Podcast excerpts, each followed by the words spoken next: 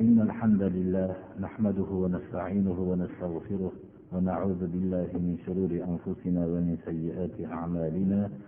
من يهده الله فلا مضل له ومن يضلل فلا هادي له. وأشهد أن لا إله إلا الله وحده لا شريك له وأشهد أن محمدا عبده ورسوله. أما بعد السلام عليكم ورحمة الله وبركاته.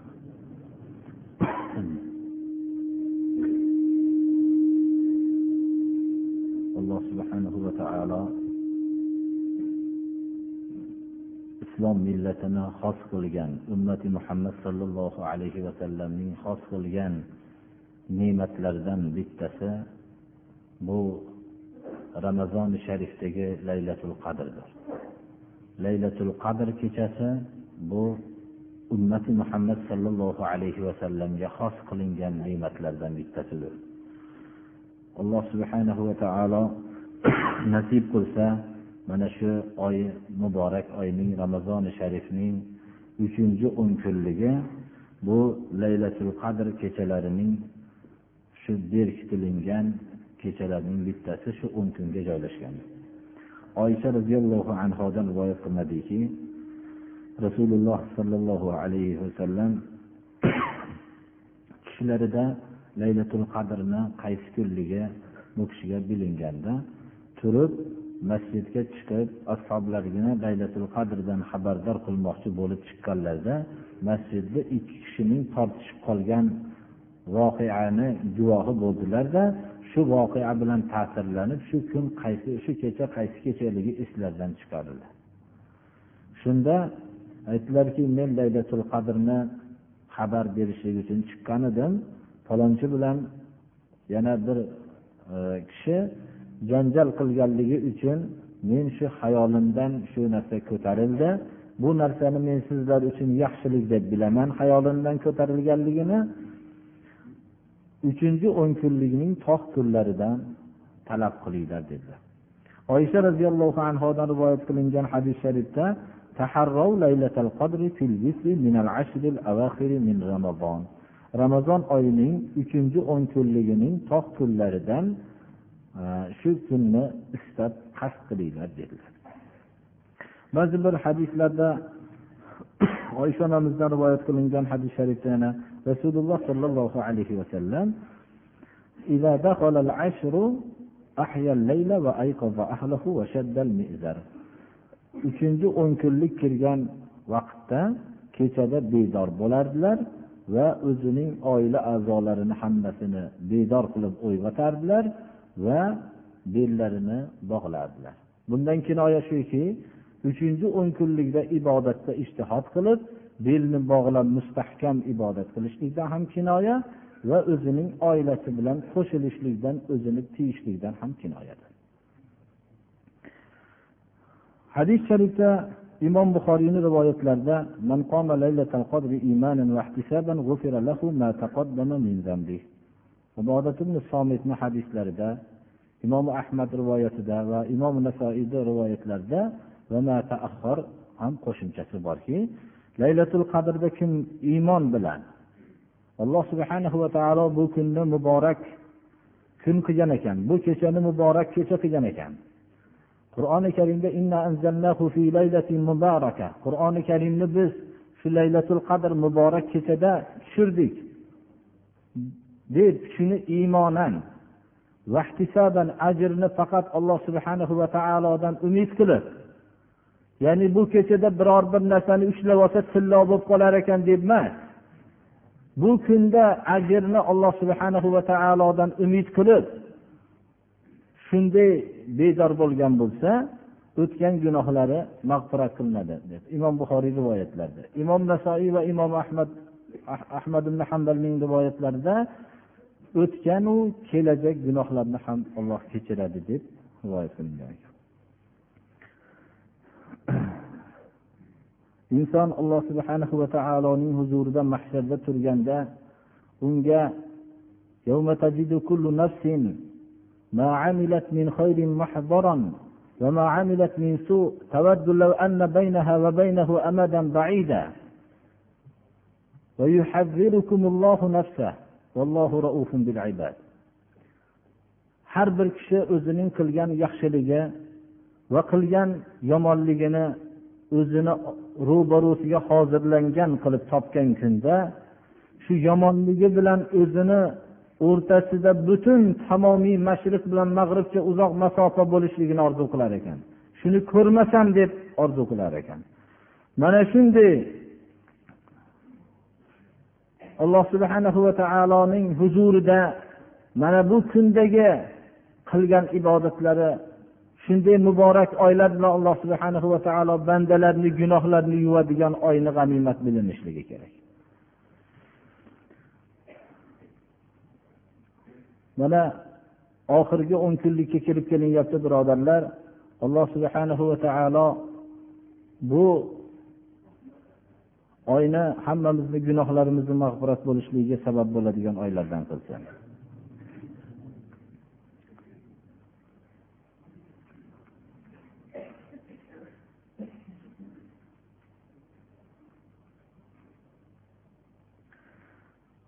استعيذ بالله. قل يا أهل الكتاب لستم على شيء حتى تقيموا التوراة والإنجيل وما أنزل إليكم من ربكم. وليزيدن كثيرا منهم ما أنزل إليك من ربك طغيانا وكفرا. فلا تأس على القوم الكافرين. Rasululloh sollallohu alayhi vasallamga alloh subhanahu va taolo risolatni yetkazishlikka buyurdi. Risolatni komil suratda yetkazishlikka buyurdi. Buni odamlarning xohlash xohlamasliklarini hisobga olmasdan yetkazishlikka buyurdi. Odamlarning bu risolat yetkazilganda tamomiy qarshi bo'lishliklarini alloh subhana va taolo ilmi azaliysi bilan bildi va o'zining himoyasiga oldi. Ey payg'ambar risolatni yetkazing olloh sizni odamlardan saqlaydi agar risolatni yetkazmasangiz ollohning sizni yelkangizga yuklangan risolat vazifasini yetkazmagan bo'lasiz dedi. Olloh bunday ne'matga kofir bo'lib shukur qilmagan kofirlarni to'g'ri yo'lga hidoyat qilmaydi. Risolatdek katta ne'matni payg'ambarimiz sollallohu alayhi vasallamning risolatlarini eshitadigan qilib qo'ygan kishilar bu ne'matni bilishmasalar olloh bularni bu ne'matni poymol qilganlarni kofir deyapti. Bu kofirlarni olloh to'g'ri yo'lga yo'llamaydi. Bu risolatning jumladagi vazifalardan bittasi rasululloh sollallohu alayhi vasallam o'zlari yashab turgan vaqtdagi ahli kitoblarga ochiq bir xitob qilishligidir ahli kitoblar tavrot o'qishardi ahli kitoblar injil o'qishardi ahli kitoblar biz mo'minmiz derdi ahli kitoblar biz ollohning ulug' xalqlarimiz deyishardi ahli kitoblar biz ollohning suyumlilarimiz deyishardi yahudlar ya'ni afzal bir xalqlarimiz deyishardi وقالت اليهود والنصارى نحن أبناء الله وأحباؤه ular shu darajada holi qilishgan ediki ollohni suyimli farzandlarimiz va suyimlilarimiz deyishardi. Shularga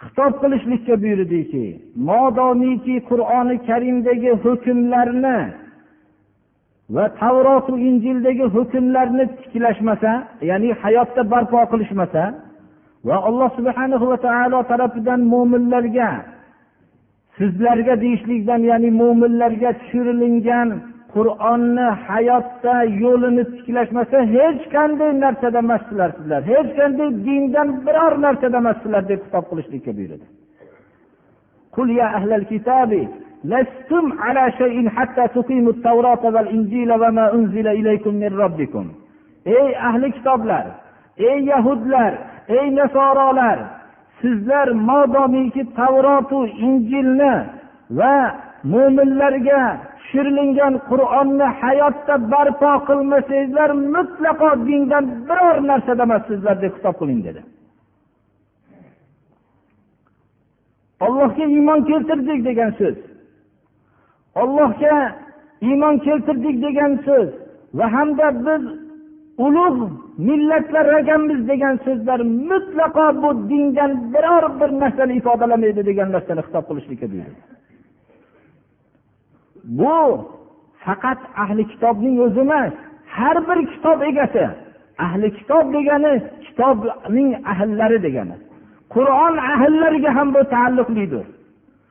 Modomiki biz agar qur'oni karimning yo'lini hayotda bir modomiki odamlar ko'radigan darajada barpo qilinmasa mutlaqo dindan biror narsada emassizlar degan xitob bizga ham tegishlidir birodarlar. Hatto bu so'zni bu so'z odamlarning g'azabini keltirishligi va yahudlarning hatto biz shunday odam bo'lib qolibmizmi hali deydigan g'azabini kelishligini alloh subhana va taolo bilib turib rasuliga shu xitobni qiling deyapti. Hatto alloh subhanahu va taolo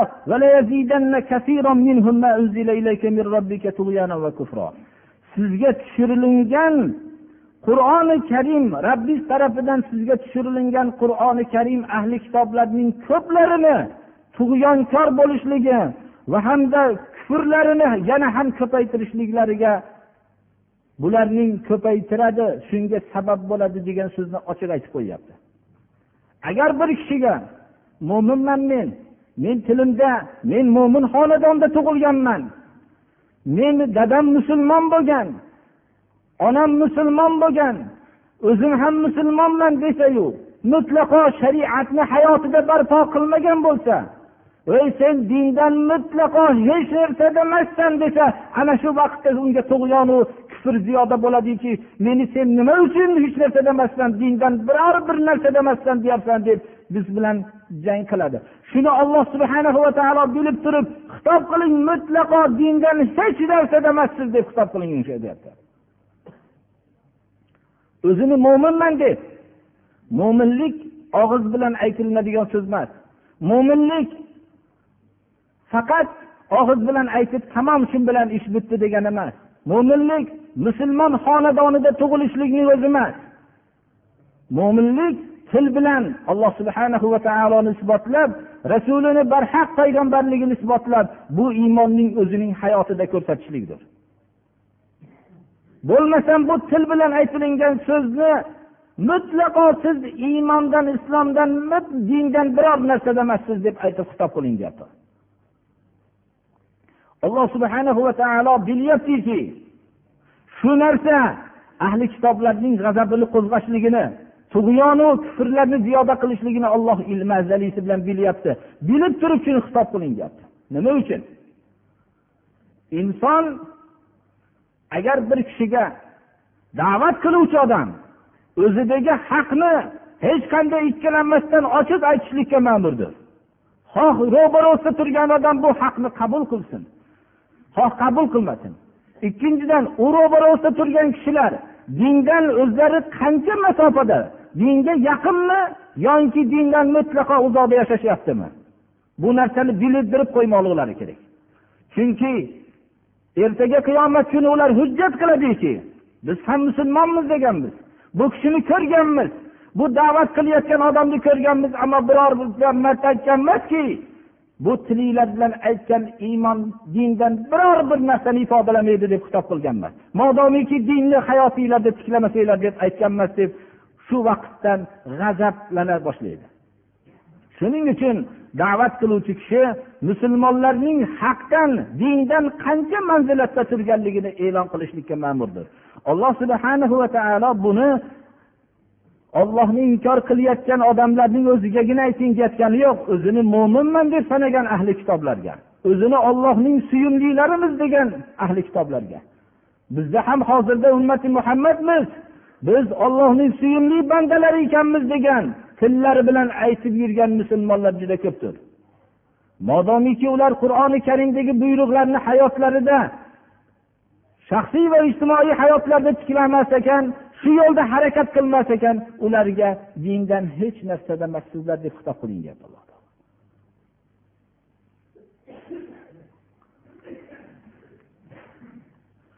ba'zi bir da'vat qilayotgan vaqtda bu haqni aytsam bu o'zgarib qolarmikin degan narsa hayolimizda turadi. Lekin hayotning tajribasi buni aksini ko'rsatadi. Ba'zi kishilarga haqni aytasiz. Siz haqni aytasizda boshqa odam bo'lsa haqni bekitib uni ko'nglidagi xohlagan narsasini aytib beradi. Davrlar o'tishligi bilan ozmi ko'pmi qancha davr o'tsa u aytadiki mening haqiqiy do'stim ana shu meni qattiq ranjitib haqni aytgan odam ekan deydi. Ammo meni ko'nglimdagi aytib bergan narsa u odam dushman ekan deydi. Umrbod shu odamni yomon odam ekan deb o'tadi. Ammo haqni aytib yomon ko'ringan odamni bu odam mening do'stim ekan deb dunyoda ham aytadi.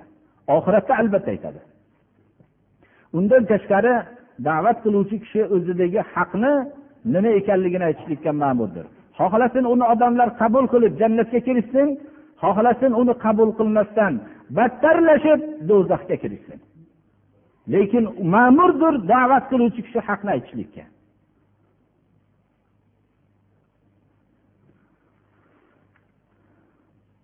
Albatta tavrotu injilni barpo qilishlik alloh subhana va taolo tarafidan jo'natilingan oxirgi payg'ambarimiz rasululloh sollallohu alayhi vasallamning yo'llarini qabul qilishlik bilan bo'ladi. Chunki payg'ambarimiz sollallohu alayhi vasallam olib kelgan yo'l o'tgan yo'llarni hammasini tasdiqlovchi va uning mukammil uni komil qiluvchi bo'lib kelgan edi.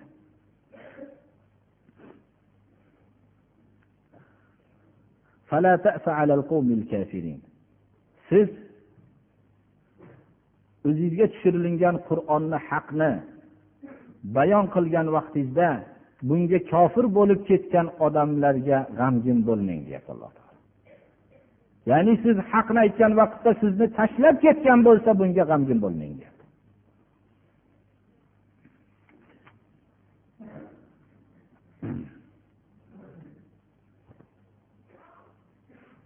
إن الذين آمنوا والذين هادوا والصابئون والنصارى من آمن بالله واليوم الآخر وعمل صالحا فلا خوف عليهم ولا هم يحزنون iymon keltirgan kishilar ya'ni bular rasululloh sollallohu alayhi vasallamning yo'llarini birdaniga qabul qilgan kishilar yahudlar avval yahudiy dinida bo'lib kelgan kishilar ya'ni tavrotga iymon keltirib tavrotga bo'ysunib kelgan kishilar. Sobiunni lug'atdagi ma'nosi ayniganlar. Lug'aviy ma'nosi. Bu kalima rasululloh sollallohu alayhi vasallam davrida mana hammamizga ma'lumki aksar xalqlar butparast bo'lib ketgan edi. Buni butlarga nima ibodat qilasizlar desa biz bu narsalarni ota onalarimiz shunday qilib kelgan shu ota onalarimizni yo'lidan qaytmaymiz deyishadi. Shunda bu botil yo'ldan o'zlarini saqlab yagona ollohga ibodat qilib kelgan kishilar bor edi.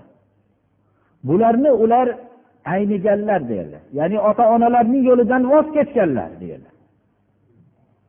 Sobiun bundan murod yakka ollohga risolati muhammad sollallohu alayhi vasallam kelmasdan turib yakka ollohga ibodat qilib kelgan kishilar muroddir butlarga bo'lgan ibodatdan o'zlarini saqlab kelganlar.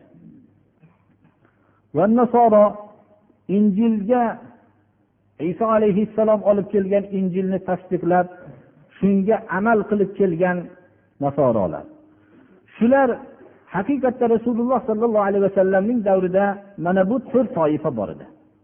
Birinchi bevosita rasululloh sollallohu alayhi vasallamning yo'lini qabul qilgan kishilar edi. Ular ilgari tavrotga ham unamagan injilga ham unamay kelgan kishilar edi. Mushrik edi. Haqni bilishib yo'llarni hamma yo'ldan voz kechib yagona ollohni yo'lini qabul qilishdilar. Ikkinchi toifalar yahudlar edi.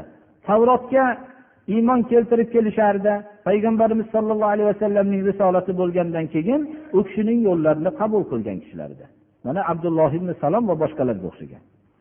Sobiullar bo'lsa yakka ollohga o'ziga ibodat qilib kelishardi lekin bir muayyan bir uslubda emas edi. Rasululloh sollallohu alayhi vasallam muayyan uslubni olib kelganlaridan keyin bu kishini yo'llarini qabul qilishdilar. Nasorolar injilga amal qilishib kelardi. Bular payg'ambarimiz sollallohu alayhi vasallam payg'ambar bo'lganlaridan keyin bu kishini risolatlarini qabul qilishib bu payg'ambarimiz yo'lida davom etishdilar. Mana bu kishilarni yana ta'kidlab ya'ni shu to'ro toifaning ollohga va qiyomat kuniga iymon keltirib va amila solihan solih amalni qilgan bo'lsa ya'ni rasululloh sollallohu alayhi vasallam olib kelgan yo'lga muvofiq bo'lgan yo'lni solih amal deymiz. Amalning solih bo'lishligining ikkita sharti bor. Birinchisi kitobi sunnatga muvofiq bo'lishligi kerak.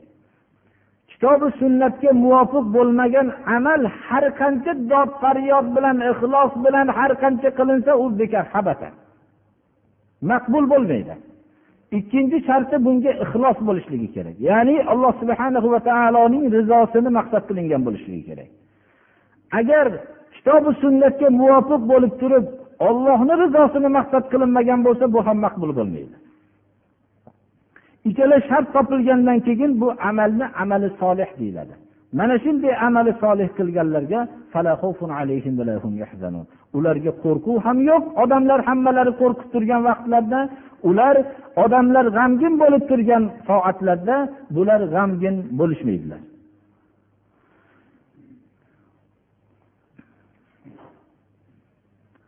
لقد أخذنا ميثاق بني إسرائيل وأرسلنا إليهم رسلا كلما جاءهم رسول بما لا تهوى أنفسهم فريقا كذبوا وفريقا يقتلون وحسبوا ألا تكون فتنة فعموا وصموا ثم تاب الله عليهم ثم عموا وصموا كثير منهم والله بصير بما يعملون alloh subhanahu va taolo banu isroil tarixini yana bizga olib kelyapti banu isroil tarixi doim ahdni buzish shu bilan to'ladir alloh subhana va taolo mana bu oyatda banu isroildan biz ahdi paymon oldik ularga ko'p payg'ambarlar jo'natdik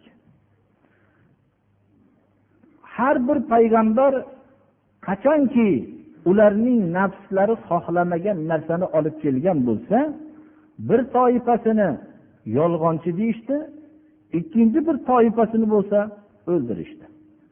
Payg'ambarlarni doim odamlar shu masala so'ralganda shu o'zi xohlagan narsa chiqib qolishligini orzu qilishadi. Payg'ambarlarni ham kelsa bularning tabiatiga muvofiq bir yo'lni olib kelsa ya'ni tabiati deyishlik bilan risolat tarafidan kelgan yo'l inson tabiatiga muvofiq yo'l kelgan. Lekin nafsi xohishiga muvofiq bo'lishligini orzu qilishgan. Qachonki qaysi bir payg'ambar ularning nafslari xohlamagan narsani olib kelsa ular bir toifasini yolg'onchi deyishgan ikkinchi bir toifasini yo bo'lmasa o'ldirishgan. Banu isroil tarixi shu bilan to'ladi. Mana zakariya alayhissalomni peshonalaridan arra tortishib o'ldirishib yubordi yahyo alayhissalomni qatl qilishdi. Butun payg'ambarlarni o'ldirish yo yolg'onchi deyish shu bilan banu isroil tarixi to'ldirildi. Hozirda ham musulmonman degan kishilar biror bir shariatdan bir hukmni bilishmoqchi bo'lsalar avval nafsida bir narsani muqarrar qilishib oladilarda shunga muvofiq bo'ladigan masala chiqishligini o'ylashadi. Agar bir o'zini shaharida shunday masalani topib beradigan shariatni sotadigan domlani topolmasa darrov boshqa shaharga borib shunday shariatfurush bo'lgan domlani istashga harakat qiladi. Dinfurush bo'lgan domlani istaydida oxiri bitta din qurishni topadida u o'zining xohishiga muvofiq masalani aytib beradida shu bilan mana bu shu shaharda men bizni o'zimizni shaharda emas mana shu shaharda kuchli domlani ko'rdim deydi. Ammo o'zining nafsi xohlagan narsaning boshqasini haqni aytsachi e bu bunaqa domla bu kuchli domla emas ekan deydida yolg'onchi deyishga o'tadi. Payg'ambarlar bu yahud tabiati bu. Bu yahud tabiatlik musulmonman degan kishilarning basharasidir bu.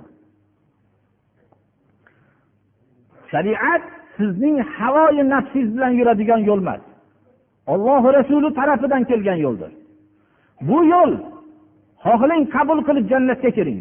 Xohlang qabul qilmasdan do'zaxga kiring. قل إن كنتم تحبون الله فاتبعوني يحببكم الله ويغفر لكم ذنوبكم والله غفور رحيم ayting ey muhammad alayhissalom ollohni yaxshi ko'raman deganlarga agar ollohni yaxshi ko'rsanglar menga ergashinglar deng shunda olloh sizlarni yaxshi ko'radi va gunohinglarni kechiradi biror bir musulmondan savol qiladigan bo'lsangiz yer kurrasida turgan ollohni yaxshi ko'rasizmi desa juda ham yaxshi ko'raman deydi. Ollohni yaxshi ko'rmayman degan musulmon bo'lmaydi. Ollohni yaxshi ko'raman deydi. Lekin ollohni yaxshi ko'raman deb ming marta yaxshi ko'raman deganingiz bilan olloh bir marta yaxshi ko'raman demasa sizni u yaxshi ko'raman deganingiz bekordir. Olloh ollohni yaxshi ko'rgan kishilarni yaxshi ko'radi gunohlarini kechiradi lekin bitta shart bilan rasuliga ergashishlik bilan. Rasuliga ergashsa ollohni yaxshi ko'raman degan davosidagi sodiq odamdir. Agar rasuliga ergashmasa ollohni yaxshi ko'raman degan davosidagi kazzobdir. Agar rasuliga ergashsa alloh subhanahu va taolo uni yaxshi ko'radi. Gunohinglarni kechiradi deyapti alloh ayting ey muhammad alayhissalom meni yaxshi ko'raman deganlarga deb alloh subhanahu va taolo e'lon qilyapti. Bu bir mezon o'lchov taroziki bu taroziga ollohni yaxshi ko'raman degan kishilar yaxshi ko'raman degan narsasini qo'yib ko'rsin. Agar rasuliga ergashayotgan bo'lsa olloh uni yaxshi ko'radi. Bu davosida sodiq odam. Agar rasuliga ergashmayotgan bo'lsa mahallasiga ergashayotgan bo'lsa yoinki boshqa bir farzandini rayiga kirib munkar ishlarni qilayotgan bo'lsa yo ota onasini rayiga kirib turib ba'zi munkar ishlarni qilayotgan bo'lsa yoinki qo'rqib boshqa ishlarni qilayotgan bo'lsa yoinki havoyi nafsiga yoinki moli dunyoingga zarar yetib qoladi deb boshqa ishlarni qilayotgan bo'lsa ey kazzob deb o'ziga xitob qilsin qani sen ollohni yaxshi ko'rasan? Qani rasuliga ergashganing deysin.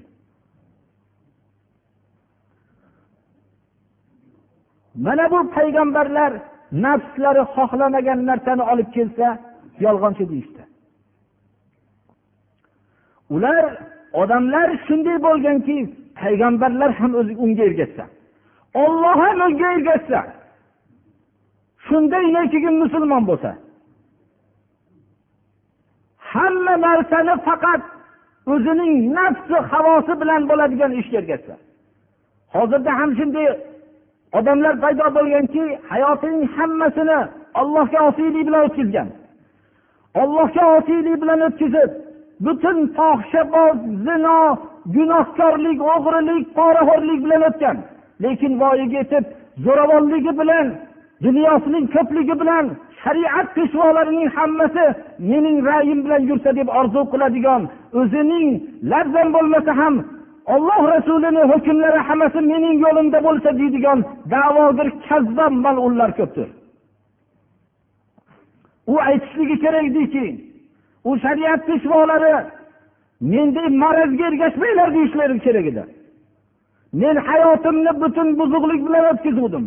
Endi mening zo'ravonligim emas men eng zaif odamman demoqligi kerak edi. Meni haqqimga ko'p duo qilinglar men osiybilik bilan o'tkazganim.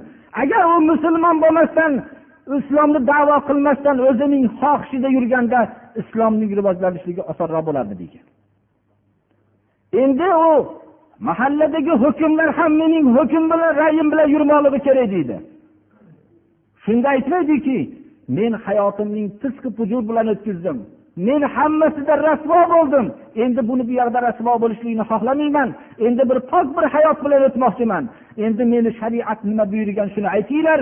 Men jonim qurbon bo'lsa ham shu ishni qilaman deydigan kishiga aylanmoqligi kerak edi. Shariat u birovning ixtiyoridagi narsa emas. Olloh rasulining hukmi. Bunga shariatga kirgan odam bo'ysunishlik uchun kiradi. Shariatni hukmini bo'ysundirishlik uchun emas. Shuning uchun nafsi xohlamagan narsani olib kelganda bunday yahud tabiat bo'lgan kishilar o'zlarining yahudiy bo'lmasa ham o'zining o'zbekligini aytayotgan bo'lsa ham tabiati yahud bo'lgan odamlardir bular. Alloh subhana va taolo mana bu oyatda bir ajib bir suratda aytyaptiki nafslari xohlamagan narsani olib kelganda bir toifani yolg'onchi deyishdi. Ye bular bu bunday aynigan bunday yolg'onchi kazzoblar deydi. Yoyinki sirli yo'llar bilan ularni qatl qilishlikka o'tdi mana bu narsa bizga juda ham bilib qo'ymoqligimiz kerak. Pul mastligiga martaba mastligiga giriftor bo'lgan odam gumon qiladiki fitna bo'lmasligini. Ya'ni alloh subhanahu va taolo uning balo bilan ko'zini ochib qo'ymasligini ko'zini ochib qo'yishligidan qo'rqmaydi. Ya'ni alloh subhana va taolo tarafidan bir balo kelganda uning moliyu martabasi zarracha foyda bermay qoladi. Mana bu yahudlar ham banu isroillar fitna. Bo'lmasligini gumon qilishdi. Shuning uchun faamu haqni ko'rishlikdan ko'r bo'lishdi. Haqni eshitishlikdan kar bo'lishdi. Haqni e'lon qilsangiz voy mana bu haqni ko'rgin desa ko'r bo'lishdi. Mana bu haqni eshitgin desa haqdan kar bo'lishdi. Alloh subhana va taolo ularni tavba qilishganda tavbalarini qabul qilib baloni jo'natmadi. Lekin u bilan ibratlanishmadi. Ularning ko'pchiliklari yana haqni ko'rishlikdan ko'r haqni eshitishlikdan kar bo'lishdi. Alloh subhanahu va taolo ularni halok qildi. Ularning balolar bilan dardlar berib dardman qildi yig'ilari foyda bermadi. Ularning hamma vujudlarini chiriydigan qilib eritib tashladi. Mana bu narsalarni balolarni jo'natdi. Olloh ularning qilayotgan amaldan ko'rib turganligini mana alloh subhanahu va taolo bir isbotlab qo'ydi. Haqiqatda ham shuni men hayotining avvalgi qismlarida har xil holatda yurgan kishilarni men ayblamoqchi emasman. Lekin bularning o'zidan chiqishligi kerakki birodarlar bizga qarab gapirmanglar. Biz hayotimizda fisq bilan o'tganmiz. Biz o'zimiz bilan ollohning o'rtasidagi sir bu gunohlarimiz. Endi bizni shariatning hukmi nima shunga yetalinglar demoqligi kerak edi. Undan tashqari ahli ilm kishilar moldor odamning qo'lida qo'g'irchoq bo'lmasligi kerak edi. Ahli ilm kishilar martabadan yo boshqa narsaning oldida qul bo'lmasligi kerak edi. Haqning oldida qul bo'lmoqligi kerak edi.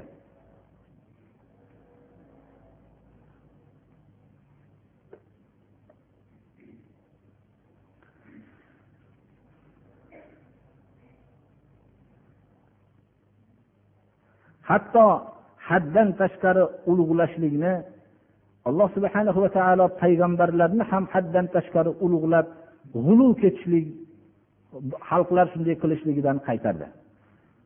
استعيذ بالله لقد كفر الذين قالوا إن الله هو المسيح ابن مريم وقال المسيح يا بني إسرائيل اعبدوا الله ربي وربكم إنه من يشرك بالله فقد حرم الله عليه الجنة ومأواه النار وما للظالمين من أنصار nasorolar haddlardan oshib masih alayhissalomni olloh deyishdi. G'ulu haddidan oshishlik shunday zararga olib boradiki masih alayhissalomni olloh deyishdi. Alloh subhana va taolo mana bu oyatda olloh masih ibn maryam masih alayhissalomni olloh deganlarning kofir bo'lganligida shak shubha yo'qdir. Hozirgi nasorolarning yuzdan to'qson to'qqizi ollohni masih alayhissalom deyishadi. Bularning kofirligida shak shubha yo'qdir. Masih alayhissalom xalqqa xitob qilgan edilarki ey banu isroil mening robbim va sizlarning rabbiylar bo'lgan ollohga ibodat qilinglar deb xitob qilgan edi. U kishi yakka ollohga ibodat qilishlikni xalqlarga ta'lim bergan edi. Va aytgan edilarki ollohga kim bir narsani sharik qilgan bo'lsa ho jonli narsani ho jonsiz narsani sharik qilgan bo'lsa alloh subhana va taolo unga jannatni harom qilgan degan va uning joyi do'zax degan edilar. Bunday shirk bilan o'ziga zulm qilgan kishilarga qiyomat kuni hech qanday yordamchi yo'q. Ba'zi nasorolar bo'lsa ollohni uchta deyishadi. Mana hozir aksar nasorolarning e'tiqodoti shunday ular uch narsani olloh iso va ruhul qudus ya'ni yoki maryam uchta deyishadi. Alloh subhana va taolo mana bu oyatda ollohni uchtaning uchinchisi deganlarning kofir bo'lganligida shak shubha yo'q. Olloh yagonadir. Agar gapirgan gaplardan tiyilishmasa ularning kofirlarini alamlantiruvchi azob ularga yetadi. Ollohga tavba qilishib qolmaydimi hozir fursatni borida? Va allohga istig'for aytishmaydimi? Vallohu g'afurur rahim olloh gunohlarni kechiruvchi va rahmdil zotdir. Masih ibn maryam illa rasul. Masih ibn maryam masih alayhissalom ollohning elchisi. U kishi vafot topgan. Bunaqa elchilar bitta o'tgan emas. U kishidan ilgari ham ko'p elchilar o'tgan. Va ummuhu siddiqoh u kishining onalari maryam siddiqoh rostgo'ydir. Har bir so'zida rostgo'y bo'lgandir. Odam rostgo'y degan sifatning eng maqtov ekanligini bilmaydi. Rostgo'ylik sifatiga ega bo'lganlar tarixda maryam payg'ambarlardan boshqa va hamda abu bakr siddiq va u kishining qizlari oyisha siddiqa. Rostgo'ylik sifatiga ega bo'lganlar shu zotlardir. Boshqa bir kishining sifatiga siddiq juda ham rostgo'y degan laqab berilganligi ma'lum emas. Inson bu narsani maqtovligini bir o'ziga olib ko'rsa bir kunda bir sodiq bo'lib yashay deb bir kun harakat qilsa tilidan qancha yolg'on gaplar chiqib ketishligini biladi. Eshitgan gapini gapirishlik o'zi yolg'onchilikka kifoya qiladi. Tagini surishtirmasdan eshitgan gapini gapirishlik o'zi yolg'onchilikka boshqa boshqa harakat kerak emas. Ular ikkovlari ovqat yerdi. Maryam iso alayhissalom bular ovqat yerdi. Ovqat yeydigan ovqatga muhtoj bo'lgan maxluq ma'bud iloh bo'lishligi mumkin emas. Inson bir ovqat yeyishlik tabiatini o'zini o'ylab ko'ring. Insonning qorni ochib qolgan katta bir alloma hurmatli vazmin kishi qorni haddan tashqari ochgan holatda bir go'dak bolaga aylanib qoladi. Undan tashqari ovqat yegandan keyin u ovqatdan hosil bo'ladigan holatlar uning bir qiynab qoladigan bo'lsa bir go'dak bolaga aylanib qoladi. Uning masalan ovqatdan chiqindining chiqish muddati yetgan vaqtida uning holatini bir kulgilik bir holatga aylanib qoladi. Alloh subhana va taolo insonning ular ikkovlari ovqat yerdi. Ovqat yeydigan maxluq ma'bud bo'lishligi mumkin emas.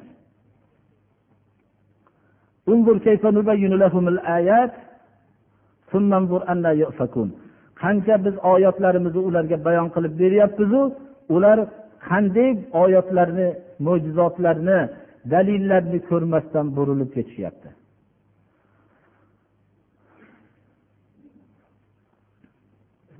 Ro'zalarimizni qabul qilsin gunohlarimizni mag'firatiga sabab bo'ladigan oylardan qilsin. Juda bir masala so'ralibdi.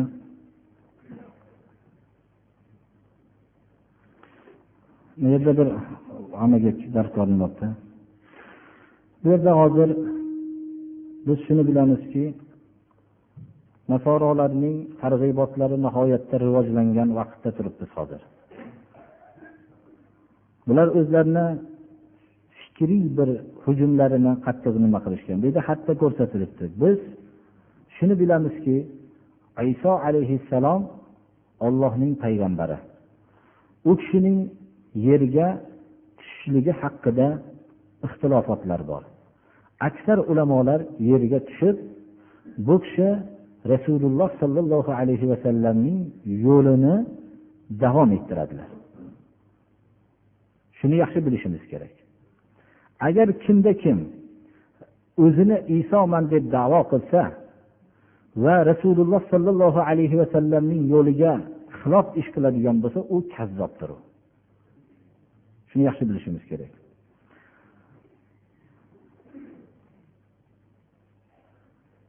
Bu masalaga javob shuki ba'zi ayollar tarafidanga aloqali masala so'ralibdi. Masalan farzand biror yashar vaqtida homila bo'lib farzandlik bo'lib qolgan bo'lsa bolani emizishlikni to'xtatishligi kerak. O'zi farzandning emish muddati ikki yil bo'lmoqligi kerak.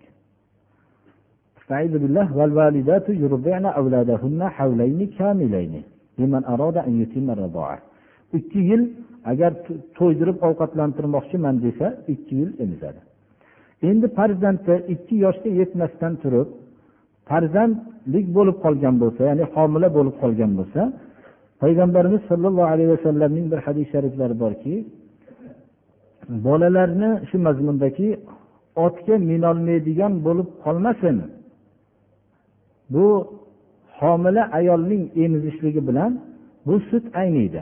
Shuning uchun bolaning sut emishligi bolani mana o'zimizni tilimiz bilan aytganimizda sut ariq bo'lishligiga sabab bo'ladi. U nimjonlashib boraveradi. Shuning uchun bolani homila ayolning emizishligidan to'xtatishlikka buyurganlarda va uni otga minolmaydigan qilib qo'ymanglar ya'ni zaif qilib qo'ymanglar deganlar.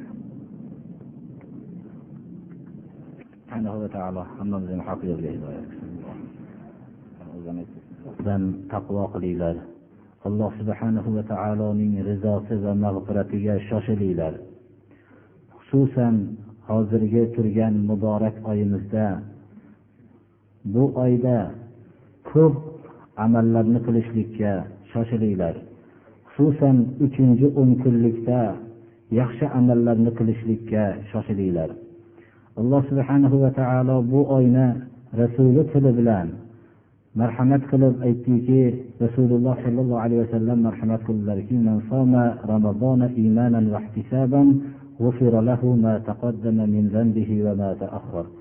kim ramazon oyida ro'za tutgan bo'lsa iymon bilan va ajrni ollohni huzurida umid qilib tutgan bo'lsa o'tgan gunohlari va kelajak gunohlari mag'firat qilinadi dedilar.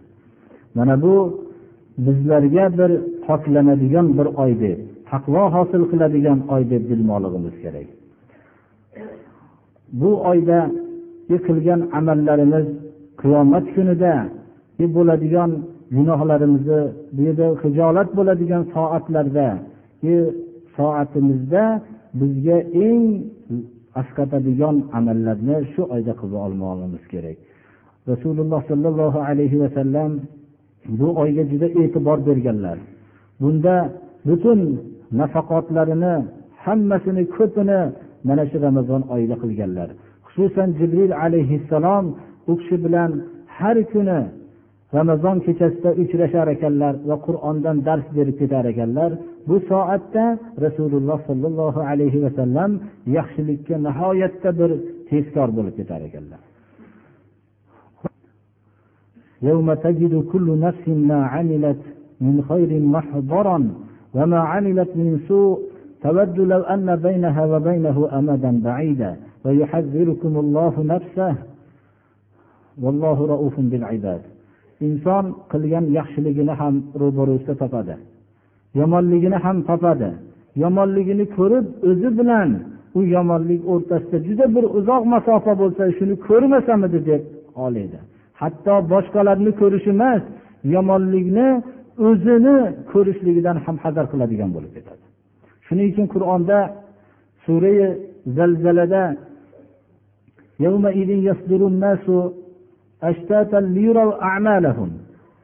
odamlarni har tarafga tarqalib ketgan holatda ko'rasizki ularga amallarini ko'rsatilinishligi uchun.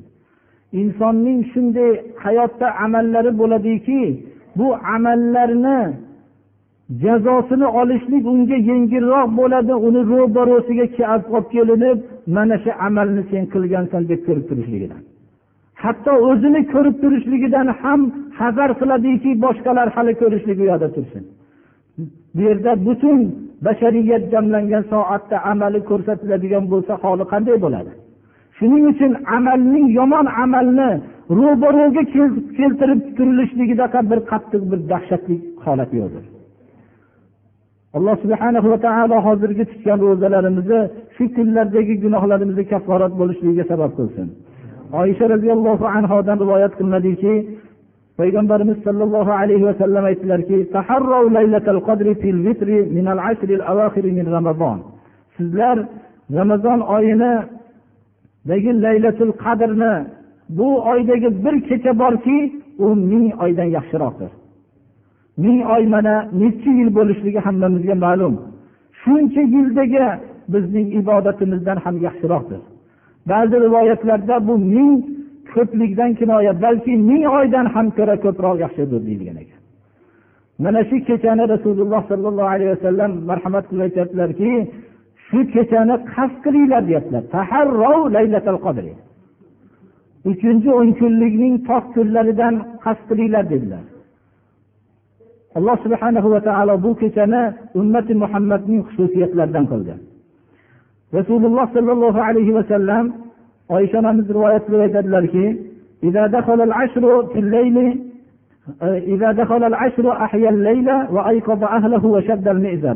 o'n uchinchi o'n kunlik kirgan vaqtida rasululloh sollallohu alayhi vasallam kechada bezor bo'lar ekanlar va oila a'zolarini ham uyg'otar ekanlar va bellarini mahkam bog'lar ekanlar. Mana aytib o'tganimizdek belni mahkam bog'lashlikdan kinoya qattiq ibodat qilishlik yoyinki o'zining oilasi bilan shu o'n kunda o'zini tiyib turishlikdir hatto laylatul qadr haqidagi alohida bir hadis sharif imom buxoriyni hadislarida ham keltirilganki من قام ليلة القدر إيمانا واحتسابا غفر له ما تقدم من ذنبه bu ibodat somitni rivoyatlarida bo'lsa va mataaxir ham bor laylatul qadrda bedor bo'lgan kishi iymon bilan va ajrni alloh subhanahu va taolodan talab qilib ya'ni laylatul qadr kuni shu tursa biror bir narsani ushlab olsa tillo bo'ladi deb emas ajrni ollohdan umid qilib agar shunda bedor bo'lgan bo'lsa o'tgan gunohlari mag'firat qilinadi.